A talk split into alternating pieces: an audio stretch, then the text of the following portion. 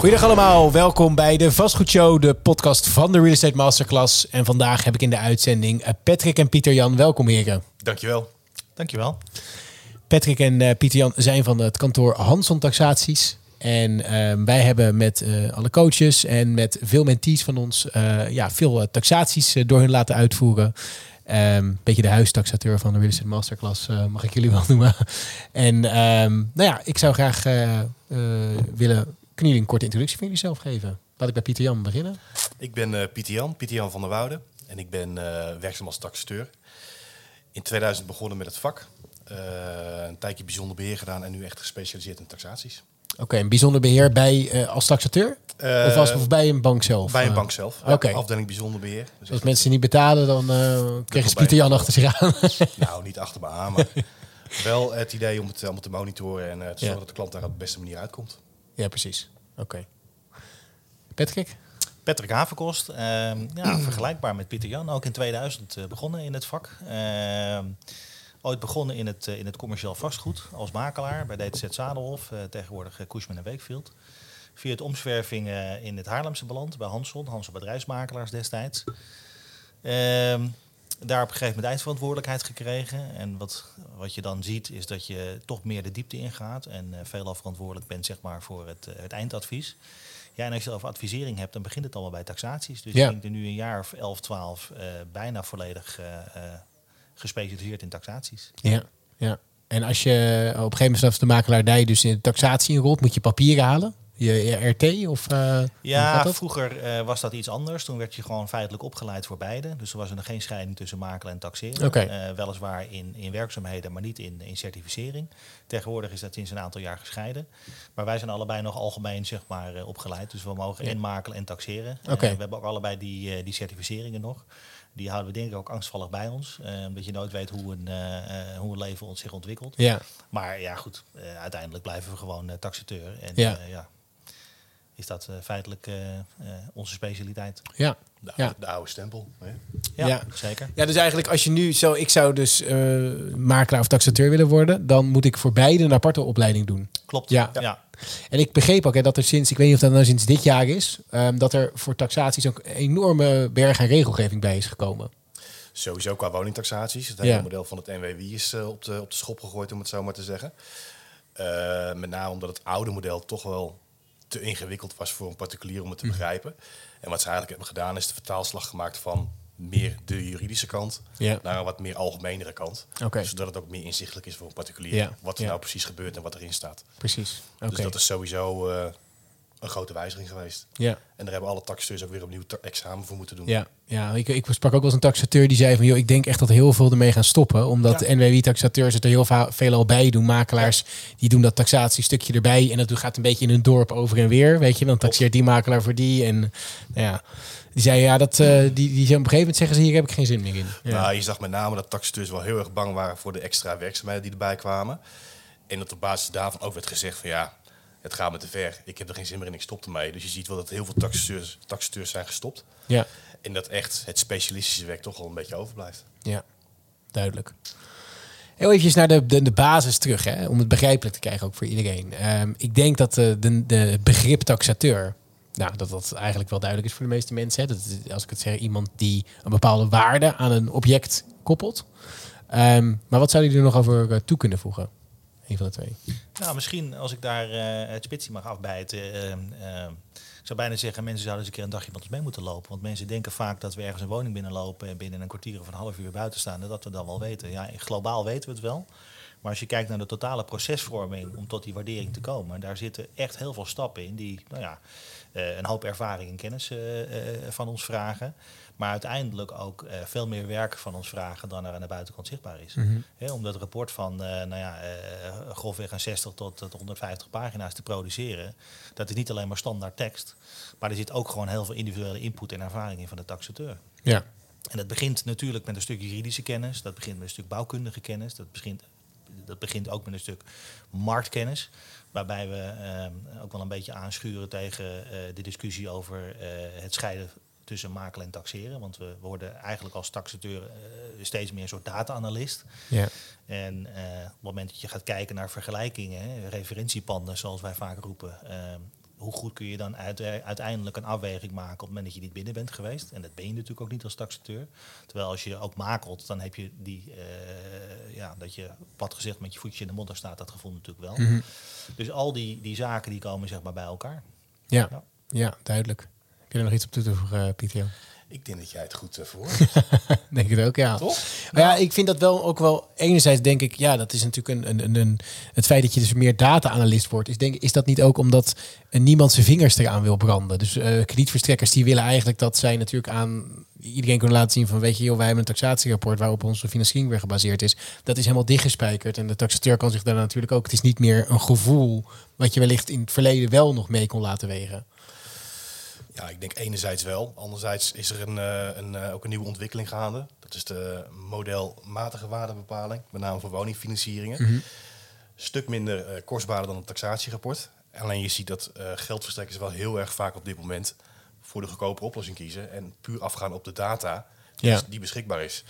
Terwijl ik wel van mening ben dat de marktkennis toch wel echt komt door de taxateur uit het veld. Ja, en modelmatig is eigenlijk dus gewoon dat we een theoretische bar nemen voor een woning en voor inverieure staten bepalen. En daar puur op basis van de potentiële huurstroom keer een bepaalde factor, dat zit. Precies. Ja. ja. Ja, en dan neem je uh, ja, locatie en dergelijke. Dat kan je dan nog een beetje in die factor verwerken. Of, ja, maar daar houdt het dan bij op. Het is meer uh, waarderen van achter je bureau. Ja.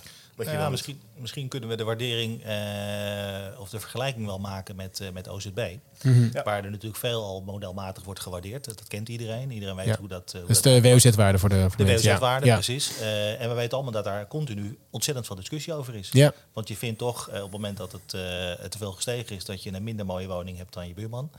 Uh, tenzij je natuurlijk in de, koop, in de verkoop zet. Uh, maar dat geeft alleen maar aan wat daar de beperkingen voor zijn. Ja. Uiteindelijk, kijk, de wereld uh, ontwikkelt zich en ook in het taxatievak zijn ontwikkelingen natuurlijk fors. Mm -hmm. Dus er wordt veel meer data geanalyseerd en het is ook steeds meer data-driven. maar ik voorspel wel nog dat we de komende jaren, vijf tot tien jaar, echt nog wel de menselijke hand en, en, en maat nodig hebben om echt goede taxaties en waarderingen te kunnen afgeven. Ja. ja. ik denk dat dat, dat dat niet verdwijnt. Zeg maar. Ik denk dat je een hoop met rekenprogramma's kan een basis kan leggen. Maar uiteindelijk heb je wel die persoon nodig die het allemaal samenbrengt. Ja. Daar gaan wij wel vanuit. Alleen soms wordt er wel iets te makkelijk over gedacht. Ja. Met name door een geldverstrekker. Ja. Die dan toch denken van ja, hè, de taxateur. We hebben hem in principe niet nodig. Terwijl er best wel veel specialistische kennis aanwezig moet zijn. Ja. Om tot een bepaalde waarde te komen. Wat, uh, wat Patrick ook al zegt. Ja, ja. Um, hebben jullie altijd enig idee hoe belangrijk de taxateur voor ons is? Jullie zijn zelf ook belegger, tenminste, ik weet niet, jij ook belegd? Patrick, weet, weet ik het van? Ja. Ik, ik, niet, maar Patrick wel. Ja, ja dat, de taxatierapporten, de waardebepaling is voor een belegger echt uh, ja, een spannend moment. Want dat bepaalt wel hoeveel eigen geld moet je erin stoppen. Ja, en hoe hoog wordt mijn return on investment? Niet geheel onbelangrijk. Nee, nee. Nee, ik denk dat we ons daar zeer zeker van bewust zijn. Ik denk dat dat ook wel een deel is uh, zeg maar, uh, van ons succes. Omdat we juist uh, ja, gevoel hebben bij hoe belangrijk dat is. Dat wil niet zeggen dat je altijd zeg maar, het, het, de mening van de, van, de, van de opdrachtgevende klant volgt. maar we zijn wel taxateurs die roepen dat het A, subjectief is, onze waardering. En dat bedoelen we juist heel nederig. Want er zitten ja, ontzettend veel overwegingen aan en waardering vast. En je kunt er van alles van vinden. Ja. Uh, maar dat betekent ook dat je, naar mijn mening, ook altijd open moet staan voor terugkoppeling en feedback. En dat mm -hmm. wil niet zeggen dat je dan zegt van joh, we zijn taxateur, dus wij weten het is mond houden, wegwezen. Ja. zeker niet. het is ook niet zo dat we daar oeverloos over in discussie gaan. Maar op het moment dat er valide argumenten mm -hmm. zijn, ja. we kunnen ze denk ik allemaal bedenken ja, dan nemen we dat zeker mee. Ja. Dan zijn we de laatste die roepen van nee, het is niet zo. Sterker nog, dan kijken we nog een keer goed naar onze waardering en dan kijken we of we daar eventueel iets in kunnen, kunnen aanpassen. Ja, ja. nou dat vind ik, vind ik heel erg uh, ja, sympathiek en inderdaad ook subjectiviteit vanuit nederigheid ook een klein beetje. Want er zijn zeker taxateurs. Um, ik, heb het, ik heb heel, veel, heel erg wisselende ervaringen erin inderdaad. Ik heb wel eens gehad dat iemand zei, conceptrapporten doe ik niet aan. Dus die kreeg gewoon meteen de definitieve na een week in je mail en dat was het dan. Ja, dat mag al niet. Ja, nou ja, oké. Okay, ja, nou ja, dat, geen, geen dat wist ik niet. Hij dacht, uh, ik zal hem maar ik heb ook geen zaken gedaan ermee. Dus, uh, En, ehm, maar ja, er zijn altijd zaken. Ik bedoel, ik heb ook wel eens gehad dat een taxateur dat hij gewoon de, bijvoorbeeld de garagebox vergeten was om mee te nemen in de punten. Nou, misschien heeft hij hem niet gezien bij de bezichtiging. Kan natuurlijk van alles gebeurd zijn. Maar ik zeg, ja, het staat wel, dat staat wel in het kadaster ook. Ja. Ik zeg, dus dit, dit is gewoon, dit hoort er nog bij. Nou, daardoor komt de huurwaarde weer wat hoger uit. Eh, dat kan gewoon van invloed zijn. Dus weet je, iedereen kan fouten maken. En Ja. ja, ja goed dat jullie daarvoor openstaan. Nou, weet je, we hebben natuurlijk niet de wijsheid in pacht. Tenminste, niet alle. Dus ik denk ja, dat je er inderdaad wel gewoon voor argumenten open moet Ja. staan. Wat Patrick inderdaad ook al aangeeft. Ja, Nou, ik denk dat we ook niet moeten onderschatten dat veel beleggers eh, vaak ook veel informatie tot zich hebben, Mhm. die wij eh, soms maar beperkt hebben. ja. We roepen natuurlijk wel dat we een enorm netwerk hebben en een enorme database waaruit we kunnen putten. Ehm, maar al ben je ergens in een gebied heel goed bekend, dan nog kan het zo zijn dat jouw opdrachtgever of je relatie eh, met informatie komt die je niet hebt gezien of hebt gemist. ja. En als dat inderdaad informatie is die ons helpt om een betere waardering te maken, ja, wie zijn er wij dan om dat te negeren? Ja. Sterker nog, ik neem het mee, ik sla het op en voor de volgende kunnen we het ook weer gebruiken. Precies. Ja, ja. Dus je- in die zin doe je het ook een beetje samen. Ja, nou ja, maar jullie zijn natuurlijk ook, of, of ik denk elke taxateur die, die, die taxeert van één losse woning tot een portefeuille. Het Ja. kan net zijn dat je het net een aantal opdrachten hebt afgerond waarin je eigenlijk elke keer portefeuilles hebt gedaan of woningen eh, versus winkels, bedrijfsruimte, alles. En dan kom ik met een specifiek pandje in, ik noem maar wat in Rotterdam, in die wijk, waar ik hele, want ik ben daar al bijvoorbeeld een paar maanden mee bezig met alleen dat soort woningen bekijken, dat ik net iets meer kennis erover heb. Maar je zou ook niet, je, je kan ook niet over heel Nederland zulke specifieke kennis hebben van elke wijk. Dat is onmogelijk. Dat moet je ook niet willen denken. Nee, nee, dat moet je straks zo niet willen. Nee.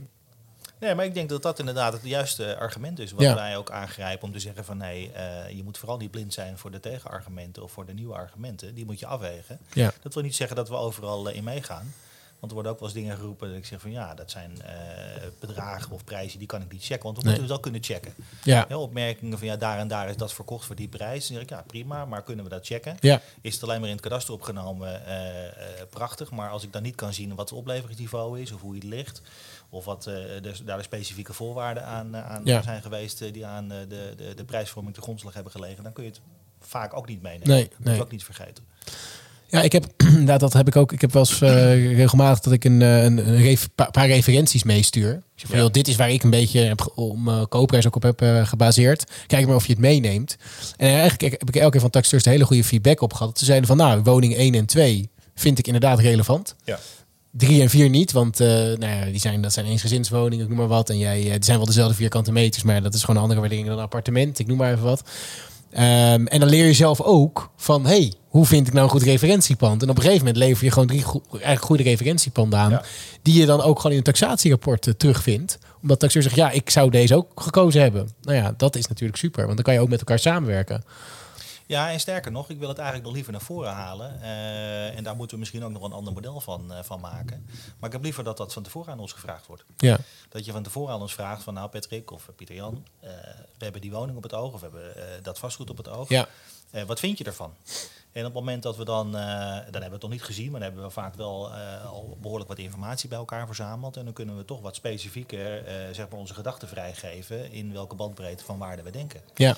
En Ja. eh, ik moet daar wel voorzichtig mee zijn, want ik merk wel dat we daar veel vragen Pas op, want je gaat heel veel telefoontjes krijgen na Ja, deze weet ik. podcast. Dat, dat weet ik, dat weet ik. En ik moet er ook bij zeggen dat we daar waarschijnlijk ook wel een commercieel eh, eh, model aan, aan gaan hangen. Ja. Want op het moment dat je daar serieus mee bezig bent, ben je zo een half uur tot, tot misschien wel een uur bezig om die nou ja, grove advieswaardering te geven. Ja. Maar als daar een, een vergoeding tegenover staat, is dat niet erg. Ja. Kijk, het kan natuurlijk niet zo zijn dat je de hele dag alleen maar bezig bent met het adviseren van, van partijen Ja. en daar een paar taxaties doorkrijgt. Want dat, Ja. dat kan natuurlijk ook niet. Maar het is wel iets wat ik liever van tevoren eh, afstem, Ja. dan dat we achteraf voor verrassing komen te staan. Want dat zien we nog steeds. Nou, ik denk dat dat voor, voor, voor beide partijen is het natuurlijk super. Want eh, ik denk dat elke belegger het wel eens heeft meegemaakt dat je iets hebt aangekocht. Zeker als je net gestart bent. Dat je een taxatiewaarde krijgt. En dat je je helemaal rot schikt. Zo laag als dat het is. En je- je denkt, wat heb ik over het hoofd gezien? Ja. En wellicht gekocht zonder voorbouwsfinanciering. Exact, ja. En dan, dan zit je toch met een probleem. En eh, ik krijg heel vaak inderdaad van de mentees de vraag van... joh, maar hoe weet ik nu de taxatiewaarde? Ik zeg, nou ja, dat weet je niet. We kunnen een inschatting maken. Ja. Ehm, en inderdaad, nou, vaak omdat wij dan vaak met werken met vaste taxateurs, waaronder jullie... Nou, dan bellen ze Patrick even en dan eh, werkt hij inderdaad eh, mee. En dat is gewoon heel fijn. Nou, maar Ja. is denk ik wat jij ook wel zegt.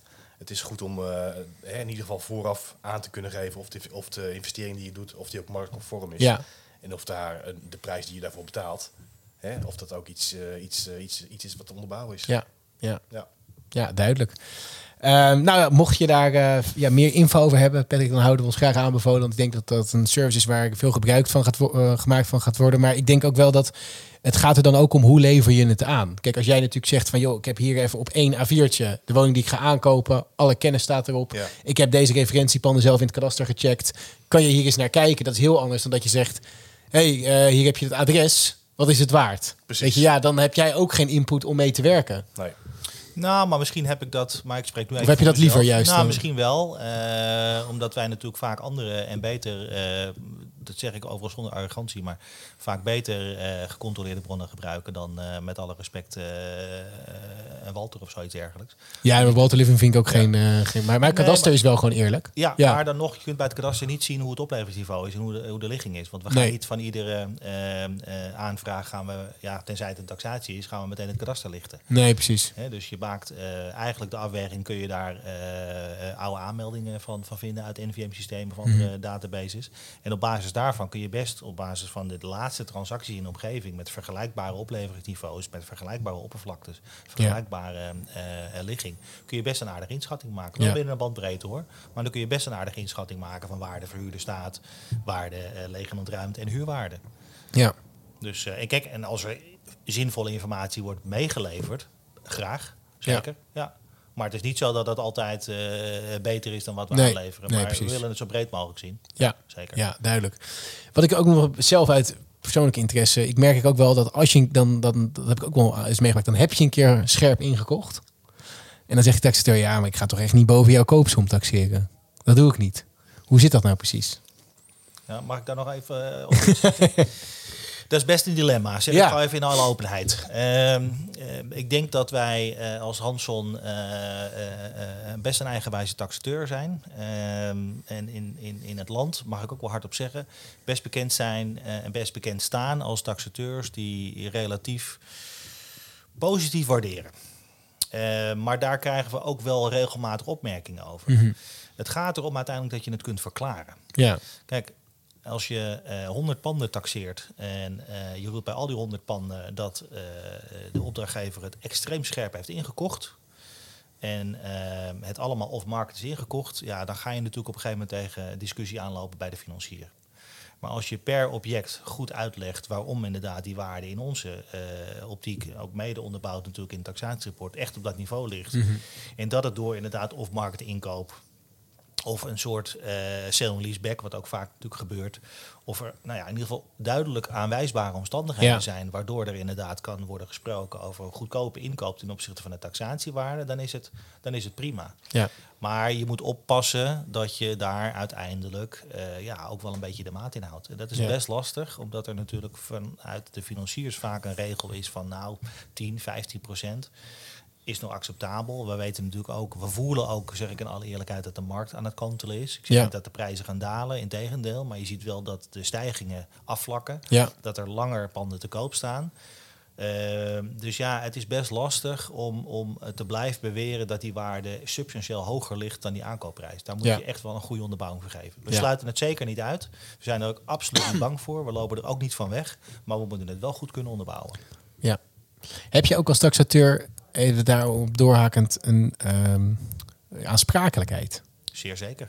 Dus als jij, eh, stel ik koop iets voor twee ton, jij zegt, joh, het is drie ton waard. nou, achteraf blijkt inderdaad, eh mijn huur wordt niet betaald en eh, eh, ik of ik betaal mijn hypotheek niet, het pand moet geveild worden en het is bij lange na die drie ton niet waard.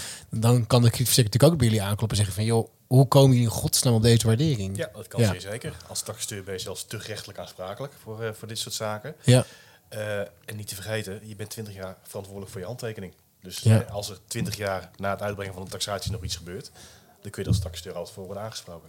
ja, ja. Oké, dus dat eh, is wel degelijk belangrijk dat je het heel weet- goed onderbouwt. Ja, Ja. sterker nog, dat wij weten worden heel veel mensen ook eh, vanuit eh, certificering, vanuit aanstellingen, maar ook eh, in de samenwerkingsbanden met de financiers, waarmee we Ja. uiteindelijk toch zeg maar eh, eh, SLA's eh, afsluiten, worden ook verplicht daar voldoende voor verzekerd te zijn. Ja. Dus het gaat om flinke belangen. Ja, duidelijk. En dan mijn, eh, mijn laatste vraag, inderdaad, je hebt het net al heel even aangestipt. Ehm, de, de, de markt, ja, in hoeverre je daar natuurlijk iets over kan zeggen. Ehm, ja, wat, wat we, het, enige wat ik zeg maar kan verklaren is natuurlijk dat we op het moment een, een, een behoorlijk stijgende rente hebben. En dat dat natuurlijk invloed heeft op uh, leencapaciteit van mensen. Dus dat het niet anders kan. En je ziet ook wel berichten, de markt koelt af. Maar is een afkoeling van een 20% stijging naar een 10% stijging? Want ja, dan ben ik nog steeds hartstikke gelukkig. Of is dat naar een, een, inderdaad een, een 10% daling? Weet je, dat is natuurlijk... Uh, in hoeverre kunnen jullie daar wat over zeggen? Ja, dat is natuurlijk altijd de welbekende glazen bol. En als, ja. ik, als ik de krant vanmorgen had, gaf ik er een miljoen voor. Ja. maar ja, wat natuurlijk wel zo is... Uh, sorry, stijgende rentes. Ja. Dat heeft wel echt wel zijn, zijn reflectie op de, op de waarde van het vastgoed. Ja. ja de toekomst zal het leren. Ja, en ik denk dat ik er ook nog aan toe kan voegen dat we graag uh, natuurlijk generalistisch uh, praten over de markt. Maar dat is natuurlijk niet één markt. Nee. Um, als je even kijkt naar de, de Randstad en dan met name de grote steden zoals in Haarlem en Amsterdam en Utrecht, uh, in mindere mate Rotterdam. Ehm, laat ik vooral die eerste drie even noemen als, als, als grote steden. Dan denk ik dat we daar gevoelsmatig wel naar een afvlakking van prijzen gaan. Mhm. Omdat uh, als je kijkt wat daar de aanvangsrendementen zijn, die liggen uh, nou ja, uh, op 4% en zeker in Haarlem en Amsterdam daar fors onder. Ja. Nou, dan hoef ik jullie niet te vertellen dat als je praat over een marktrente momenteel 80%, 5% plus. Ja, dat kan niet. Dan kan dat niet meer uit. Dat kan nog wel uit. Met eigen geld, ja. Jawel, maar we moeten ook niet vergeten dat veel uh, panden natuurlijk in een mandje van uh, reeds bestaande beleggingen vallen. Dus op het moment dat je daar een goed rendement hebt, dan kan het best zo zijn dat je een negatief aanvangsrendement accepteert. Ja. Waar uh, met name door de jaren heen, door prijsstijgingen, of met name huurprijsstijgingen, het rendement zeg maar wel positief wordt. Ja. Ehm, maar ik zie in, in, in, allerlei gebieden buiten de Randstad zie ik nog voldoende mogelijkheden voor prijsstijgingen. Geen 20 procent, ja. maar ik sluit het ook niet uit. Nee. Nee, we zitten natuurlijk ook nog steeds natuurlijk met, het, met dat woningtekort. Um, en waarvan ik met de aankomende plannen van de regering ook echt zeker niet uh, voorspel dat dat in een hele korte termijn opgelost gaat worden. Nee, we gaan dat, het nooit oplossen. Dat is een bebouwde uitspraak, maar dat is ook op persoonlijke titel. Dat gaan we nooit oplossen. Nee. Dat hebben we na de oorlog niet opgelost. En tot op maar toen was het al. Ja, toen was het al tot op de dag van vandaag. En dat komt ook. Uh, ook daarin kunnen we natuurlijk niet in de toekomst kijken. Maar de maatschappij verandert ook. Ja. Het is niet alleen maar dat er uh, meer geld is en daardoor uh, de prijzen hoger worden. Maar het is ook nog eens een keer zo dat onze samenleving verandert. Vroeger Ja. had je geen happy singles. Nee. Was je een, plat gezegd een kneus als je single was. Tegenwoordig uh, heb je Tinder en ben je vrolijk en Ja. woon je heerlijk in je eentje. En wil je niet dat er iemand bij je woont. Maar daarnaast hebben we natuurlijk ook nog eens een keer door vergrijzing en allerlei andere samenwerking, sorry, samenlevingsvormen, dat ouderen natuurlijk veel langer in een woning blijven wonen. Ja, Eh, zeker. daar probeer ik helemaal niets negatiefs over te zeggen. Sterker nog, ik denk dat het goed is. Maar goed, vroeger gingen de ouderen naar een verzorgingstehuis en kwam die woning vrij. Ja. Wat daarnaast ook nog een keer het geval is, is dat vroeger, wat is vroeger, verkocht je je huis en kocht je een nieuw huis. Of je Ja. kocht je nieuw huis, je verkocht je oude huis. Nou, wat zien we tegenwoordig? Eh, eh, ik las laatst de term buy to hold. Ja. Of eh, nee, nou goed, ik zeg het niet helemaal goed, maar het komt er ieder Live in then rent. Ja, Ja. Precies. uiteindelijk, het nieuwe huis wordt gekocht, oude Ja. huis wordt gewoon aangehouden Ja. als belegging. Ja. Nou ja, dat is ook een nieuwe trend. Dus dat Ja. zijn allemaal eh, mede-oorzaken waardoor die, die markt Ja, gewoon krapper en vaak hebben ze al het huis natuurlijk gekocht. Hebben ze die 20% stijging gehad in een jaar. Dus kan je 80% van je originele hypotheekbedrag kan je gewoon onderbrengen bij de Domivest. Precies.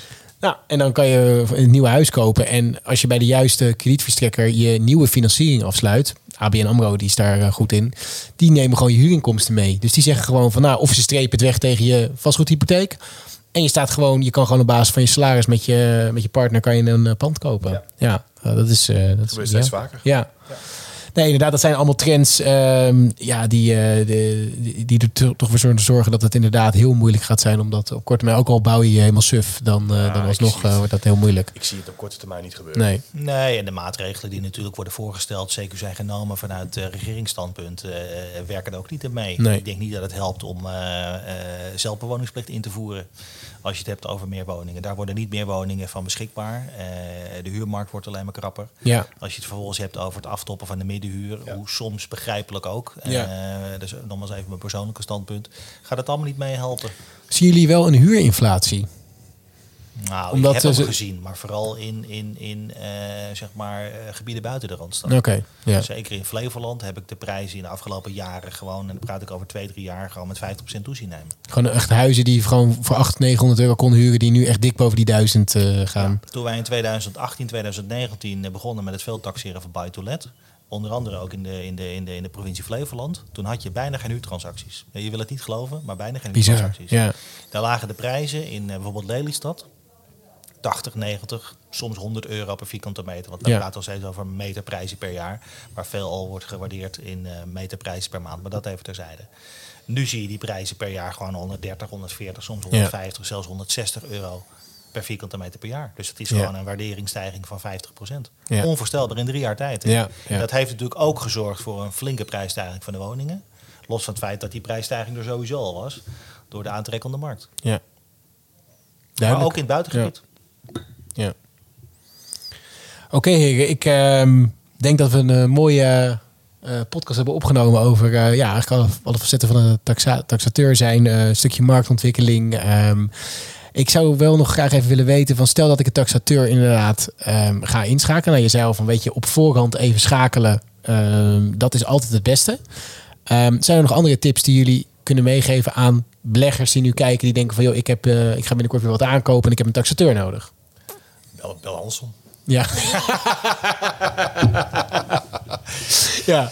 Nou ja, kijk, ik denk dat het belangrijkste is dat je je goed afvraagt... eh, waar kan de taxateur allemaal zeg maar taxeren. Hè? Want Ja. iedereen heeft zo zijn, eh, eh, zijn aansluitingen. We hebben er veel. Eh, we hadden er vroeger allemaal.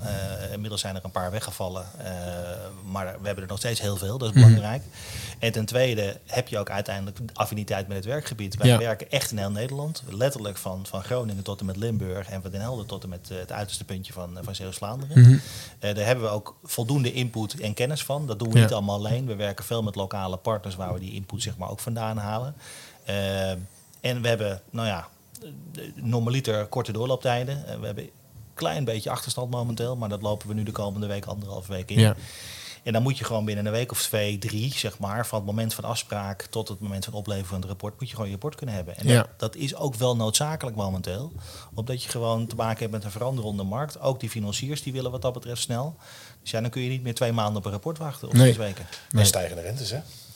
Daarom ook snelheid. Ja, nou, ja. Ja, ik heb soms ook een beetje het idee dat de banken soms het in hun voordeel is om het eventjes een beetje te laten wachten. Want dan gaat die rente is weer een paar tienden hoger. Nou, dat is voor hun natuurlijk op, een ba- op basis van 100, 100, 200 aanvragen scheelt dat eh, behoorlijk. Zeker. Ja. Ja. Ja. Oké, heren, bedankt voor, eh, voor jullie aanwezigheid eh, in, Ja, de, bedankt. in de podcast. Wederzijds bedankt. Dankjewel. Top. Ik wil iedereen bedanken voor het kijken naar de podcast. Vond je de video leuk? Vergeet hem niet te liken en abonneer op even op ons kanaal van de Real Estate Masterclass. Bedankt en tot de volgende keer.